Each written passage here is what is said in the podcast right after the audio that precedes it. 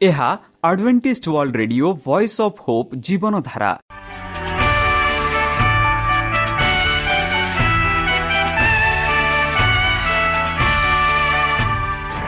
Odia radio କାର୍ଯ୍ୟକ୍ରମ ଯାହା ଆମର ଆନ୍ତର୍ଜାତୀୟ ଆଘାତ କେନ୍ଦ୍ରରୁ ପ୍ରସାରଣ କରାଯାଉଛି ପ୍ରତିଦିନ ରାତି ନଅଟା ତିରିଶ ମିନିଟ୍ରେ। ମୁଁ ସୁବ୍ରତ କୁମାର ପତି ପ୍ରେମର ସହ ଆପଣମାନଙ୍କୁ ଏହି କାର୍ଯ୍ୟକ୍ରମକୁ ସ୍ୱାଗତ କରୁଅଛି। ଚାଲନ୍ତୁ ଆଜିର ତିରିଶ ମିନିଟ୍ର କାର୍ଯ୍ୟକ୍ରମ ବିଷୟରେ ଜାଣିନେବା। ପ୍ରଥମେ ରଖିଛୁ ଆଧ୍ୟାତ୍ମିକ ଭକ୍ତିମୟ ଗୀତ। ଏହାପରେ ଶୁଣିବା ସ୍ୱାସ୍ଥ୍ୟ ବିଷୟରେ ଯାହା ଆମର ଦୈନିକ ଜୀବନରେ ଅତ୍ୟନ୍ତ ଜରୁରୀ। ଆଉ ପରିଶେଷରେ ଶୁଣିବା ପରମେଶ୍ୱରଙ୍କ ଭକ୍ତଙ୍କଠାରୁ ଜୀବନଦାୟକ ଈଶ୍ୱରଙ୍କ ବାକ୍ୟ। ପ୍ରିୟ ଶ୍ରୋତା ତାହେଲେ ଚାଲନ୍ତୁ ଶୁଣିବା ଏକ ଆଧ୍ୟାତ୍ମିକ ଭକ୍ତିମୟ ଗୀତ।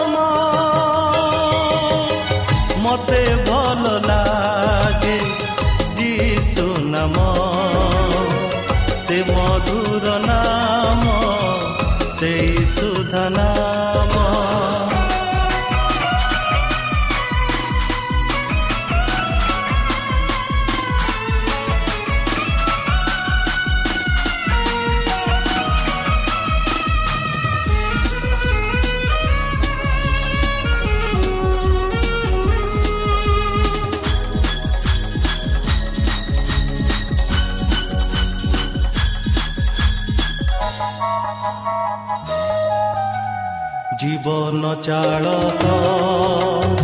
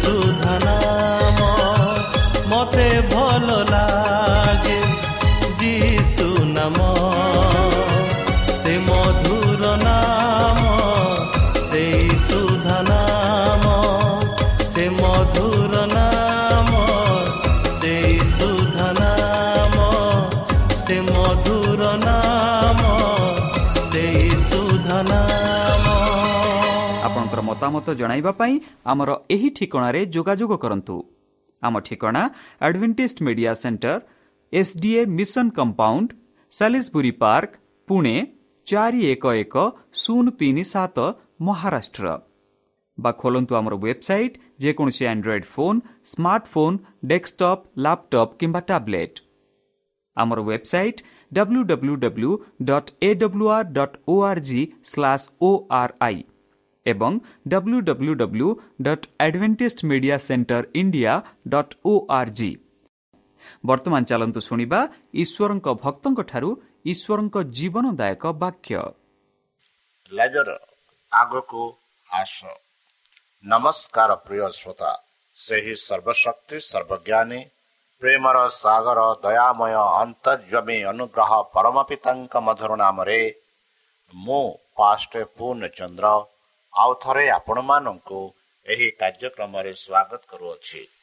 ପ୍ରିୟ ଶ୍ରୋତା ସେହି ସର୍ବଶକ୍ତି ପରମେଶ୍ୱର ଆପଣମାନଙ୍କୁ ଆଶୀର୍ବାଦ କରନ୍ତୁ। ଆପଣଙ୍କୁ ସମସ୍ତ ପ୍ରକାର ଦୁଃଖ କଷ୍ଟ ବାଧା କ୍ଲେଶ ଓ ରୋଗରୁ ଦୂରେଇ ରଖୁ। ଶତ୍ରୁ ଶୈତାନ ହସ୍ତରୁ ସେ ଆପଣମାନଙ୍କୁ ସୁରକ୍ଷାରେ ରଖନ୍ତୁ। ତାହାଙ୍କ ପ୍ରେମ ତାହାଙ୍କ ସ୍ନେହ ତାହାଙ୍କ ଅନୁଗ୍ରହ ସଦାସର୍ବଦା ଆପଣଙ୍କ ଠାରେ ସହବର୍ତ୍ତୀ ରହୁ। ପ୍ରିୟ ସୁତା ଚାଲନ୍ତୁ। ଆଜି ଆମ୍ଭେମାନେ କିଛି ସମୟ ପବିତ୍ର ଶାସ୍ତ୍ର ବାଇବଲଠୁ ତାହାଙ୍କ ଜୀବନଦାୟକ ବାକ୍ୟ ଧ୍ୟାନ କରିବା। ଆଜିର ଆଲୋଚନା ହେଉଛି ଲାଜର ଆଗକୁ ଆସ। ବନ୍ଧୁ କୃଷ୍ଣଙ୍କ ଶିଶୁମାନଙ୍କ ମଧ୍ୟରେ ବେଥନିଆ ରାଜା ଥିଲେ। ପ୍ରଥମ ସାକ୍ଷାତରୁ କୃଷ୍ଣଙ୍କଠାରେ ତାଙ୍କର ବିଶ୍ୱାସ ଦୃଢ଼ ହୋଇଥିଲା।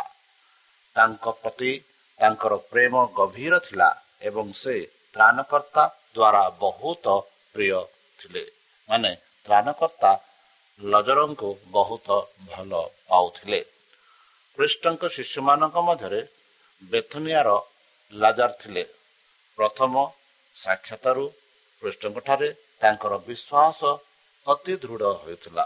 ତାଙ୍କ ପ୍ରତି ସେହି ପରମେଶ୍ୱରଙ୍କର ଗଭୀର ଓ ଅଧିକ ପ୍ରେମ ଥିଲା। ଲାଜାରଙ୍କ ପାଇଁ ହିଁ କୃଷ୍ଣଙ୍କର ସବୁଠାରୁ ବଡ଼ ଚମତ୍କାର ପ୍ରଦର୍ଶନ କରାଯାଇଥିଲା। ତ୍ରାଣକର୍ତ୍ତା ତାଙ୍କର ସାହାଯ୍ୟ ମାଗୁଥିବା ସମସ୍ତଙ୍କୁ ଆଶୀର୍ବାଦ କଲେ। ସେ ସମସ୍ତ ମାନବ ପରିବାରକୁ ଭଲ ପାଆନ୍ତି। କିନ୍ତୁ କେତେକଙ୍କ ପାଇଁ ସେ ସ୍ୱତନ୍ତ୍ର କୋମଳ ସଂଗଠନ ଦ୍ୱାରା ବନ୍ଧ। ବେଥନିଆରେ ପରିବାର ପ୍ରତି ଏକ ସ୍ନେହର ବନ୍ଧନ ଦ୍ୱାରା ତାଙ୍କ ହୃଦୟ ବାନ୍ଧି ହୋଇଥିଲା। ଏବଂ ସେମାନଙ୍କ ମଧ୍ୟରୁ ତାଙ୍କର ସବୁଠାରୁ ଚମତ୍କାର କାର୍ଯ୍ୟ କରାଯାଇଥିଲା। ଲାଜାରଙ୍କ ଘରେ ଯୀଶୁ ଅନେକ ସମୟରେ ବିଶ୍ରାମ ପାଇଥିଲେ ବା ବିଶ୍ରାମ ନେଇଥିଲେ। ତ୍ରାଣକର୍ତ୍ତାଙ୍କର ନିଜର ଘର ନଥିଲା। ସେ ତାଙ୍କର ବନ୍ଧୁ ଏବଂ ଶିଶୁମାନଙ୍କ ଅତିଥ୍ୟ ଉପରେ ନିର୍ଭରଶୀଳ ଥିଲେ ଏବଂ ଅନେକ ସମୟରେ ଯେତେବେଳେ କ୍ଳାନ୍ତ ମାନବ ସହଭାଗିତା ପାଇଁ ତୃଷାର୍ଥ ଥିଲେ ସେତେବେଳେ ସେ କ୍ରୋଧିତ ପାରୁଷୀମାନଙ୍କ ସନ୍ଦେହ ଏବଂ ଈର୍ଷା ଠାରୁ ଦୂରେଇ ଏହି ଶାନ୍ତିପୂର୍ଣ୍ଣ ପରିବାରକୁ ପଲାଇ ଖୁସି ହୋଇଥିଲେ। ଏଠାରେ ସେ ଏକ ଆନ୍ତରିକ ସ୍ୱାଗତ ଏବଂ ଶୁଦ୍ଧ ପବିତ୍ର ବନ୍ଧୁତା ପାଇଥିଲେ। ଏଠାରେ ସେ ସରଳତା ଏବଂ ସିଦ୍ଧ ସ୍ୱାଧୀନତା ସହିତ କଥା ହୋଇପାରିଥାନ୍ତି। ଜାଣିଥିଲେ ଯେ ତାଙ୍କ କଥା ବୁଝିଯିବ ଏବଂ ଭଣ୍ଡାର ହେବ। ଆମର ତ୍ରାଣକର୍ତ୍ତା ଏକ ଶ୍ରାନ୍ତ ଘର ଏବଂ ଆଗ୍ରହୀ ଶ୍ରୋତାମାନଙ୍କୁ ପ୍ରଶଂସା କଲେ। ସେ ମନୁଷ୍ୟର କୋମଳତା ଏହି ଏବଂ ସ୍ନେହ ପାଇଁ ଇଚ୍ଛା କରୁଥିଲେ। ଯେଉଁମାନେ ସ୍ୱର୍ଗୀୟ ଶିକ୍ଷା ଗ୍ରହଣ କରିଥିଲେ ସେ ସର୍ବଦା ପ୍ରଦାନ କରିବାକୁ ପ୍ରସ୍ତୁତ ଥିଲେ। ଯେହେତୁ କୋମଳ ଲତାରେ ଲୋକମାନଙ୍କୁ ଖ୍ରୀଷ୍ଟଙ୍କ ଅନୁସରଣ କରିବା ପାଇଁ ସେ କହୁଥିଲେ କ୍ଷେତ୍ର ସେ ସେମାନଙ୍କୁ ପ୍ରାକୃତିକ ଦୁନିଆର ସୌନ୍ଦର୍ଯ୍ୟ ଦେଖାଉଥିଲେ। ସେ ସେମାନଙ୍କୁ ବୁଝାମଣା ଆଖି ଖୋଲିବାକୁ ଚେଷ୍ଟା କରୁଥିଲେ ଯେପରି ସେମାନେ ଦେଖିବେ ଯେ ଈଶ୍ୱରଙ୍କ ହାତ ଜଗତକୁ କିପରି ସମର୍ଥନ କରେ ଈଶ୍ୱରଙ୍କ ଉତ୍ତମତା ଏବଂ ଦୟା ବିଷୟରେ ଏବଂ ପ୍ରଶଂସା ଡାକିବା ପାଇଁ ସେ ଶୁଣୁଥିବା ବ୍ୟକ୍ତିଙ୍କ ଧ୍ୟାନକୁ ଧୀରେ ଧୀରେ କାକର ବର୍ଷାର କମଳ ବର୍ଷା ଏବଂ ଉଜ୍ଜଳ ସୂର୍ଯ୍ୟ କିରଣକୁ ଭଲ ଏବଂ ମନ୍ଦକୁ ସମାନ ଭାବରେ ଡାକିଲେ। ସେ ଚାହୁଁଥିଲେ ଯେ ପୁରୁଷମାନେ ସେ ସୃଷ୍ଟି କରୁଥିବା ମାନବ ଯନ୍ତ୍ରପାତି ଉପରେ ଈଶ୍ୱର ପ୍ରଦାନ କରୁଥିବା ସମ୍ମାନକୁ ସମ୍ପୂର୍ଣ୍ଣ ରୂପେ ହୃଦୟମଙ୍ଗ କରନ୍ତୁ। କିନ୍ତୁ ଜନତା ଶୁଣିବାର ମନ୍ଥର ଦେଲେ ଏବଂ ବେତନିଆ କୃଷ୍ଣଙ୍କ ଘରେ ସାଧାରଣ ଜୀବନ କ୍ଲାନ୍ତ ବନ୍ଦର ବିଶ୍ରାମ ପାଇଲେ। ଏଠାରେ ସେ ଏକ ବିଶ୍ରାମ ପାଉଥିଲେ ଏହି ବ୍ୟକ୍ତିଗତ ସାକ୍ଷାତକାରରେ। ସେ ତାଙ୍କ ଶ୍ରୋତାମାନଙ୍କ ଜଣାଇଥିଲେ ଯେ ଯାହା ମିଶ୍ରିତ ଜନତାଙ୍କୁ କହିବାକୁ ଚେଷ୍ଟା ନ କରିଥିଲେ। ବନ୍ଧୁ ଯେହେତୁ କୃଷ୍ଣ ତାଙ୍କର ଚମତ୍କାର ଶିକ୍ଷା ଦେଇଥିଲେ ମରିୟମ ତାଙ୍କ ପାଦରେ ବସିଥିଲେ। ସଦାବେଳେ ତାଙ୍କ ପାଦ ତଳେ ବସି କୃଷ୍ଣଙ୍କ ବାକ୍ୟ ସେ ଅନୁସରଣ କରୁଥିଲେ ଶୁଣୁଥିଲେ। ଜଣେ ସମ୍ମାନିତ ଏବଂ ନିଷ୍ଠାପର ଶ୍ରୋତା ଥରେ ମାର୍ତ୍ତା ଖାଦ୍ୟ ପ୍ରସ୍ତୁତ କରିବାର ଯତ୍ନରେ ବିବ୍ରତ ହୋଇ କୃଷ୍ଣଙ୍କ ନିକଟକୁ ଯାଇ କହିଲେ ପ୍ରଭୁ ତୁମେ ମୋର ଯତ୍ନ ନେଉନାହିଁ। ନାହଁ ଯେ ମୋ ଭଉଣୀ ମୋତେ ଏକୁଟିଆ ସେବା କରିବାକୁ ଛାଡ଼ି ଦେଇଛନ୍ତି। ତେଣୁ ସେ ମୋତେ ସାହାଯ୍ୟ କରନ୍ତୁ। କୃଷ୍ଣଙ୍କ ବେଥନିଆକୁ ପ୍ରଥମ ଗସ୍ତର ସମୟ ଥିଲା। ତ୍ରାଣକର୍ତ୍ତା ଏବଂ ତାହାଙ୍କର ଶିଷ୍ୟମାନେ ଜିରିହୋରୁ ପାଦରେ କଠିନ ପରିଶ୍ରମ କରିଥିଲେ। ମାର୍ଥା ସେମାନଙ୍କ ଆରାମ ପ୍ରଦାନ କରିବାକୁ ଭ୍ରଜ୍ଞ ଥିଲେ ଏବଂ ତାଙ୍କ ଚିନ୍ତାରେ ସେ ତାଙ୍କ ଅତୀତ ହେତୁ ସୈନ୍ୟ ଭୁଲିଗଲେ ଯୀଶୁ ତାଙ୍କୁ ମୁଧ ଓ ଧୈର୍ଯ୍ୟର ସହିତ ଉତ୍ତର ଦେଲେ ମାର୍ଥା ତୁମେ ଅନେକ ବିଷୟରେ ଯତ୍ନମାନ ଓ ଚିନ୍ତିତ। ମାର୍ଥା ଆବଶ୍ୟକ କରୁଥିବା ଗୋଟିଏ ଜିନିଷ ଏକ ଶାନ୍ତ ଭକ୍ତିମୟ ଆତ୍ମା। ଭବିଷ୍ୟତ ଆମର ଜୀବନ ଏବଂ ଆଧ୍ୟାତ୍ମିକ ଉନ୍ନତି ପାଇଁ ଆବଶ୍ୟକ ଅନୁଗ୍ରହ ବିଜ୍ଞାନରେ ବା ବିଷୟରେ ଜ୍ଞାନ ପାଇଁ ଏକ ଗଭୀର ଚିନ୍ତା। ସେ ଚାଲି ଯାଇଥିବା ଜିନିଷ ଗୁଡ଼ିକ ପାଇଁ କମ୍ ଚିନ୍ତାର ଆବଶ୍ୟକତା ଥିଲା ଏବଂ ସେହି ଜିନିଷ ଗୁଡ଼ିକ ପାଇଁ ଯାହା ଚିରଦିନ ପାଇଁ ରହିଥାଏ ଯୀଶୁ ନିଜ ପିଲାମାନଙ୍କୁ ସେ ଜ୍ଞାନ ଆହରଣ କରିବାର ସମସ୍ତ ସୁଯୋଗକୁ ଉପଭୋଗ କରିବାକୁ ଶିଖାଇବେ ଯାହା ସେମାନଙ୍କୁ ପରିତ୍ରାଣ ପାଇଁ ଜ୍ଞାନୀ କରିବ। କୃଷ୍ଣଙ୍କ କାରଣ ଯତ୍ନଶୀଳ ଶକ୍ତିଶାଳୀ କର୍ମୀ ଆବଶ୍ୟକ କରେ। ସକ୍ରିୟ ଧାର୍ମିକ କାର୍ଯ୍ୟରେ ସକ୍ରିୟ ଧାର୍ମିକ କାର୍ଯ୍ୟରେ ସେମାନଙ୍କର ଉତ୍ସାହ ସହିତ ମାର୍ଥାମାନଙ୍କ ପାଇଁ ଏକ ବ୍ୟାପକ କ୍ଷେତ୍ର ଅଛି। କିନ୍ତୁ ସେମାନେ ପ୍ରଥମେ ମିଳିୟମଙ୍କ ସହିତ ଯୀଶୁଙ୍କ ପାଦ ତଳେ ବସନ୍ତୁ। ପରିଶ୍ରମ ତତ୍ପରତା ଏବଂ ଶକ୍ତିକୃଷ୍ଣଙ୍କ ଅନୁଗ୍ରହ ଦ୍ୱାରା ପବିତ୍ର ହେଉ। ତେବେ ଜୀବନ ଭଲ ପାଇଁ ଏକ ଅସାମର୍ଥ୍ୟ ଶକ୍ତି ହେବ। ଦୁଃଖ ଶାନ୍ତିପୂର୍ଣ୍ଣ ଘରେ ପ୍ରବେଶ କଲା ଯେଉଁଠାରେ ଯୀଶୁ ବିଶ୍ରାମ ନେଇଥିଲେ। ରାଜାର ହଠାତ୍ ଅସ୍ତୁତ ହୋଇପଡ଼ିଥିଲେ ଏବଂ ତାଙ୍କ ଭଉଣୀମାନେ ତ୍ରାଣକର୍ତ୍ତାଙ୍କ ନିକଟକୁ ପଠାଇଲେ। କହିଲେ ପ୍ରଭୁ ଦେଖ ଯାହାକୁ ତୁମେ ଭଲ ପାଅ ସେ ଅସୁସ୍ଥ। ସେମାନେ ଏହି ରୋଗର ହିଂସା ଦେଖିଲେ ଯାହା ସେମାନଙ୍କ ଭାଇଙ୍କୁ ଧରିଥିଲା। କିନ୍ତୁ ସେମାନେ ଜାଣିଥିଲେ ଯେ ଖ୍ରୀଷ୍ଟ ନିଜକୁ ସମସ୍ତ ପ୍ରକାର ରୋଗର ଭଲ କରିବାରେ ସକ୍ଷମ ବୋଲି ଦର୍ଶାଇଛନ୍ତି। ସେମାନେ ବିଶ୍ୱାସ କରୁଥିଲେ ଯେ ସେ ସେମାନଙ୍କ ଦୁଃଖ ସମୟରେ ସେମାନଙ୍କ ପ୍ରତି ସହାନୁଭୂତି ଦେଖାଇବେ। ତେଣୁ ସେମାନେ ତାଙ୍କର ତୁରନ୍ତ ଉପସ୍ଥିତି ପାଇଁ କୌଣସି ଜରୁରୀ ଦାବି କଲେ ନାହିଁ। ମାତ୍ର କେବଳ ଗୁପ୍ତ ବାର୍ତ୍ତା ପଠାଇଲେ ଯାହାକୁ ତୁମେ ଭଲ ପାଅ ସେ ଅସୁସ୍ଥ ସେମାନେ ଭାବିଲେ ଯେ ସେ ତୁରନ୍ତ ସେମାନଙ୍କ ବାର୍ତ୍ତାକୁ ପ୍ରତିକ୍ରିୟା କରିବେ ଏବଂ ସେ ବେଥେନିଆରେ ପହଞ୍ଚିବା ମାତ୍ରେ ସେମାନଙ୍କ ସହିତ ରହିବେ। ବନ୍ଧୁ ସେମାନେ ଉକ୍ନିଷ୍ଠ ହୋଇ ଯୀଶୁଙ୍କ ଠାରେ ଗୋଟିଏ ଶବ୍ଦକୁ ଅପେକ୍ଷା କଲେ ବା ବାକ୍ୟକୁ ଅପେକ୍ଷା କଲେ। ଯେ ପର୍ଯ୍ୟନ୍ତ ଜୀବନର ସ୍ପର୍ଶ ସେମାନଙ୍କ ଭାଇରେ ଜୀବିତ ଥିଲା ସେମାନେ ପ୍ରାର୍ଥନା କଲେ ଏବଂ ଯୀଶୁଙ୍କ ଆଗମନକୁ ଅପେକ୍ଷା କଲେ। କିନ୍ତୁ ଦୂତ ତାଙ୍କ ବିନା ଫେରିଲେ।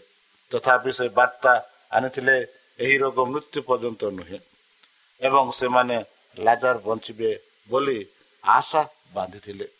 କୋମଳମତୀ ଭାବରେ ସେମାନେ ପ୍ରାୟ ଚେତାଶୂନ୍ୟ ରୋଗୀଙ୍କୁ ଆଶା ଏବଂ ଉତ୍ସାହର କଥା କହିବାକୁ ଚେଷ୍ଟା କଲେ। ଯେତେବେଳେ ଲାଜାରଙ୍କ ମୃତ୍ୟୁ ହେଲା ସେମାନେ ଅତ୍ୟନ୍ତ ନିରାଶ ହେଲେ କିନ୍ତୁ ସେମାନେ ଖ୍ରୀଷ୍ଟଙ୍କ ସ୍ଥାୟୀ ଅନୁଗ୍ରହ ଅନୁଭବ କଲେ ଏବଂ ଏହା ସେମାନଙ୍କୁ ତ୍ରାଣକର୍ତ୍ତାଙ୍କ ପରେ କୌଣସି ଦୋଷ ପ୍ରତିଫଳିତ କରିବାକୁ ବାରଣ କଲା। ଯେତେବେଳେ ଖ୍ରୀଷ୍ଟ ଏହି ବାର୍ତ୍ତା ଶୁଣିଲେ ଶିଷ୍ୟମାନେ ଭାବିଲେ ଯେ ସେ ଏହାକୁ ଶୀତଳ ଭାବରେ ଗ୍ରହଣ କରିଛନ୍ତି। ସେମାନେ ତାଙ୍କୁ ଦେଖାଇବାକୁ ଆଶା କରୁଥିବା ଦୁଃଖ ପ୍ରକାଶ କଲେ ନାହିଁ। ସେ ସେମାନଙ୍କୁ ଅନାଇ କହିଲେ ଏହି ରୋଗ ମୃତ୍ୟୁ ପର୍ଯ୍ୟନ୍ତ ନୁହେଁ। ବରଂ ଈଶ୍ୱରଙ୍କ ଗୌରବ ନିମନ୍ତେ ଈଶ୍ୱରଙ୍କ ପୁତ୍ର ଗୌରବ ବାହାନିତ୍ୱ ହେବେ। ସେ ସେଠାରେ ଥିବା ସ୍ଥାନରେ ଦୁଇ ଦିନ ରହିଲେ। ଏହି ବିଳମ୍ବ ଶିଷ୍ୟମାନଙ୍କ ପାଇଁ ଏକ ରହସ୍ୟ ଥିଲା। ଦୁଃଖୀ ପରିବାର ପାଇଁ ତାଙ୍କ ଉପସ୍ଥିତ କେତେ ଆରାମଦାୟକ ହେବ। ସେମାନେ ଭାବିଲେ ବେଥେନିଆରେ ପରିବାର ପ୍ରତି ତାଙ୍କର ପ୍ରବଳ ସ୍ନେହ ଶିଷ୍ୟମାନଙ୍କୁ ଭଲ ଭାବରେ ଜଣାଇଥିଲା। ଏବଂ ସେମାନେ ଆଶ୍ଚର୍ଯ୍ୟ ହୋଇଗଲେ ଯେ ସେ ଯାହାକୁ ପ୍ରେମ କରନ୍ତି ସେ ଅସୁସ୍ଥ ଅଛନ୍ତି। ଦୁଇ ଦିନ ମଧ୍ୟରେ ଖ୍ରୀଷ୍ଟ ତାଙ୍କ ମନରୁ ବାର୍ତ୍ତା ଖାରଜ କରିଦେଲେ କାରଣ ସେ ଲାଜାର ବିଷୟରେ କିଛି କହିନଥିଲେ। ଶିଶୁମାନେ ବାପ୍ଟିଜଙ୍କ ଜହନଙ୍କ ବିଷୟରେ ଭାବିଲେ ଯୀଶୁଙ୍କ ଅଗ୍ରଦୂତ। ସେମାନେ ଆଶ୍ଚର୍ଯ୍ୟ ହୋଇଥିଲେ ଯେ ଯୀଶୁ ଚମତ୍କାର କରିବାର ଶକ୍ତି ସହିତ ଜହନଙ୍କୁ କାରାଗାରରେ ରହିବାକୁ ଅନୁମତି ଦେଲେ ଏବଂ ଏକ ଭୟଙ୍କର ମୃତ୍ୟୁରେ ମୃତ୍ୟୁବରଣ କଲେ ଏପରି ଶକ୍ତି ପାଇ ଖ୍ରୀଷ୍ଟ କାହିଁକି ଜହନଙ୍କ ଜୀବନ ରକ୍ଷା କଲେ ନାହିଁ ଏହି ପ୍ରଶ୍ନ ପାରୁସୀମାନଙ୍କ ଠାରୁ ପ୍ରାୟତଃ ପଚରା ଯାଇଥିଲା ଯିଏ ଖ୍ରୀଷ୍ଟଙ୍କ ଈଶ୍ୱରଙ୍କ ପୁତ୍ର ବୋଲି ଦାବି ବିରୁଦ୍ଧରେ ଏହାକୁ ଏକ ଉତ୍ତରହୀନ ଯୁକ୍ତି ଭାବରେ ଉପସ୍ଥାପନା କରିଥିଲେ ତ୍ରାଣକର୍ତ୍ତା ନିଜ ଶିଷ୍ୟମାନଙ୍କୁ ପରୀକ୍ଷା କ୍ଷତି ଏବଂ ନିର୍ଯାତନା ବିଷୟରେ ଚେତାବନୀ ଦେଲେ। ସେ ପରୀକ୍ଷା ସମୟରେ ସେମାନଙ୍କୁ ପରିତ୍ୟାଗ କରିବେ ଏହା ବି ସେ କହିଥିଲେ। କେହି କେହି ପ୍ରଶ୍ନ କରିଥିଲେ ଯେ ସେମାନେ ତାଙ୍କ କାର୍ଯ୍ୟକୁ ଭୁଲ କରିଛନ୍ତି ବା ଭୁଲ ଭାବିଛନ୍ତି। ସମସ୍ତେ ଗଭୀର ଅସୁବିଧାରେ ପଡ଼ିଥିଲେ।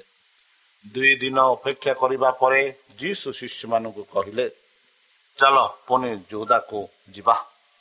ଶିଶୁମାନେ ପ୍ରଶ୍ନ କଲେ ଯଦି ଯୀଶୁ ଯୋଦାକୁ ଯାଉଛନ୍ତି ତେବେ ସେ ଦୁଇ ଦିନ ଅପେକ୍ଷା କରିଥିଲେ। କିନ୍ତୁ କୃଷ୍ଣଙ୍କ ପାଇଁ ଏବଂ ନିଜ ପାଇଁ ଚିନ୍ତା ବର୍ତ୍ତମାନ। ସେମାନଙ୍କ ମନରେ ସର୍ବୋଚ୍ଚ ଥିଲା। ସେ ଅନୁସରଣ କରିବାକୁ ଯାଉଥିବା ପଥରେ ସେମାନେ ବିପଦ ଛଡ଼ା ଆଉ କିଛି ଦେଖିପାରିଲେ ନାହିଁ। ସେମାନେ କହିଲେ ଗୁରୁ ବିଳମ୍ବରେ ଥିବା ଯେଉଁଦୀମାନେ ତୁମକୁ ପଥର ଫିଙ୍ଗିବାକୁ ଚେଷ୍ଟା କଲେ। ଆଉ ତୁମ୍ଭେ ସେଠାକୁ ଯାଅ କି? ଯୀଶୁ ଉତ୍ତର ଦେଲେ ଦିନରେ ବାର ଘଣ୍ଟା ନାହିଁ କି? ମୁଁ ମୋର ପିତାଙ୍କ ମାର୍ଗଦର୍ଶନରେ ଅଛି। ଯେ ପର୍ଯ୍ୟନ୍ତ ମୁଁ ତାଙ୍କ ଇଚ୍ଛା ପାଳନ କରିବି ମୋ ଜୀବନର ସୁରକ୍ଷିତ ସୁରକ୍ଷିତ ଅଛି। ମୋର ବାର ଘଣ୍ଟା ଦିନ ଏପର୍ଯ୍ୟନ୍ତ ସମାପ୍ତ ହୋଇନାହିଁ ମୁଁ ମୋର ଦିନର ଶେଷ ଅବଶିଂସାରେ ପ୍ରବେଶ କରିଛି। କିନ୍ତୁ ଯେତେବେଳେ ଏହା ମଧ୍ୟରୁ କୌଣସିଠି ରହିଥାଏ ମୁଁ ସୁରକ୍ଷିତ ଅଛି। ସେ ଜାରି ରଖିଛନ୍ତି। ଯଦି କୌଣସି ବ୍ୟକ୍ତି ଦିନରେ ଚାଲନ୍ତି ସେ ଝୁଣ୍ଟି ପଡ଼ନ୍ତି ନାହିଁ। କାରଣ ସେ ଏହି ଜଗତର ଆଲୋକ ଦେଖନ୍ତି। ଯିଏ ଈଶ୍ୱରଙ୍କ ଠାରେ ଇଚ୍ଛା କରେ ଯେ ଈଶ୍ୱର ଚିଦନ୍ତ ମାର୍ଗରେ ଚାଲନ୍ତି ସେ ଝୁଣ୍ଟି ପଡ଼ନ୍ତି ନାହିଁ। ଈଶ୍ୱରଙ୍କ ମାର୍ଗଦର୍ଶନ ଆତ୍ମାର ଆଲୋକ ତାଙ୍କୁ ନିଜ କର୍ତ୍ତବ୍ୟ ବିଷୟରେ ଏକ ସ୍ପଷ୍ଟ ଧାରଣା ଦେଇଥାଏ ଏବଂ କାର୍ଯ୍ୟ ଶେଷ ହେବା ପର୍ଯ୍ୟନ୍ତ ତାଙ୍କୁ ଠିକ କରିଥାଏ। କିନ୍ତୁ ଯଦି କୌଣସି ଲୋକ ରାତିରେ ଚାଲନ୍ତି ତେବେ ସେ ଝୁଣ୍ଟି ପଡ଼େ। କାରଣ ତାଙ୍କଠାରେ ଆଲୋକ ନାହିଁ। ଯିଏ ନିଜ ପସନ୍ଦରେ ପଥର ଯାଏ ଯେଉଁଠାରେ ଈଶ୍ୱର ତାଙ୍କୁ ଡାକିନଥାଏ ସେ ଝୁଣ୍ଟି ପଡ଼ିବେ। ତାଙ୍କ ପାଇଁ ଦିନଟି ରାତିରେ ପରିଣତ ହୁଏ ଏବଂ ସେ ଯେଉଁଠାରେ ଥାଆନ୍ତି ସେ ସୁରକ୍ଷିତ ନୁହନ୍ତି। ଏହି ସବୁ କଥା ସେ କହିଥିଲେ ବନ୍ଧୁ। ଏହାପରେ ସେ ସେମାନଙ୍କୁ କହିଲେ ଆମର ବନ୍ଧୁ ଲାଜାର ଶୋଇଛନ୍ତି। କିନ୍ତୁ ମୁଁ ଯାଉଛି ଯେ ମୁଁ ତାଙ୍କୁ ନିଦରୁ ଉଠାଇବି। ଆମର ବନ୍ଧୁ ଲାଜାର ଶୋଇଛନ୍ତି। ବାକ୍ୟ ଗୁଡ଼ିକ କେତେ ସ୍ପର୍ଶକାରତର ସମବେଦନାର ପରିପୂର୍ଣ୍ଣ। ସେମାନଙ୍କ ଗୁରୁ ଜେରୁସାଲାମକୁ ଯାଇ ବିପଦ ବିଷୟରେ ଭାବିଥିଲେ। ଶିଶୁମାନେ ବେଥନିଆରେ ଶୋକ ପ୍ରନ୍ତପ ପରିବାରକୁ ପ୍ରାୟ ଭୁଲି ଯାଇଥିଲେ କିନ୍ତୁ ଖ୍ରୀଷ୍ଟ ନୁହେଁ ଶିଶୁମାନେ ଭର୍ଜନା କଲେ ସେମାନେ ନିରାଶ ହୋଇଥିଲେ କାରଣ ଖ୍ରୀଷ୍ଟ ବାର୍ତ୍ତାଙ୍କୁ ଶୀଘ୍ର ପ୍ରତିକ୍ରିୟା କରିନଥିଲେ ସେମାନେ ଭାବିବାକୁ ପ୍ରଲୋଭିତ ହୋଇଥିଲେ ଯେ ରାଜାର ଏବଂ ତାଙ୍କ ଭଉଣୀମାନଙ୍କ ପ୍ରତି ତାଙ୍କର କମଳ ପ୍ରେମ ନାହିଁ। ଯାହା ସେମାନେ ଭାବିଥିଲେ କିମ୍ବା ସେ ଦୂତ ସହିତ ଶୀଘ୍ର ଫେରି ନାହାନ୍ତି। ବନ୍ଧୁ ସେହି ସଦାପ୍ରଭୁ ପରମେଶ୍ୱର ଯିଏକି ମଣିଷ ପାଇଁ ଏହି ପୃଥିବୀକୁ ଆସିଲେ ମଣିଷର ଅଭାବ ମଣିଷର ଦୁଃଖ ମଣିଷର କଷ୍ଟ ସବୁ ସେ ଜାଣିଛନ୍ତି। ବର୍ତ୍ତମାନ ସେହି ଯୀଶୁ ସେହି ପରିବାରକୁ ମନେ କରୁଛନ୍ତି। ସେହି ପରିବାରକୁ କେବେ ଭୁଲି ଯାଇ ନଥିଲେ। ସେହିପରି ସେହି ସଦାପ୍ରଭୁ ପରମେଶ୍ୱର ଆମ ପରିବାରକୁ କେବେ ହେଲେ ଭୁଲିବେ ନାହିଁ। ଆମେ ସଦାସର୍ବଦା ତାଙ୍କ ଛମୁରେ ଛାମୁରେ ଅଛୁ। ତାହେଲେ ଚାଲନ୍ତୁ ସେହି ସଦାପ୍ରଭୁ ପରମେଶ୍ୱରଙ୍କ ଠାରେ ନିଜକୁ ସମର୍ପଣ କରି ତାହାଙ୍କ ମଧ୍ୟ ନାମରେ ଆମେ ପ୍ରାର୍ଥନା ଉତ୍ସର୍ଗ କରିବା।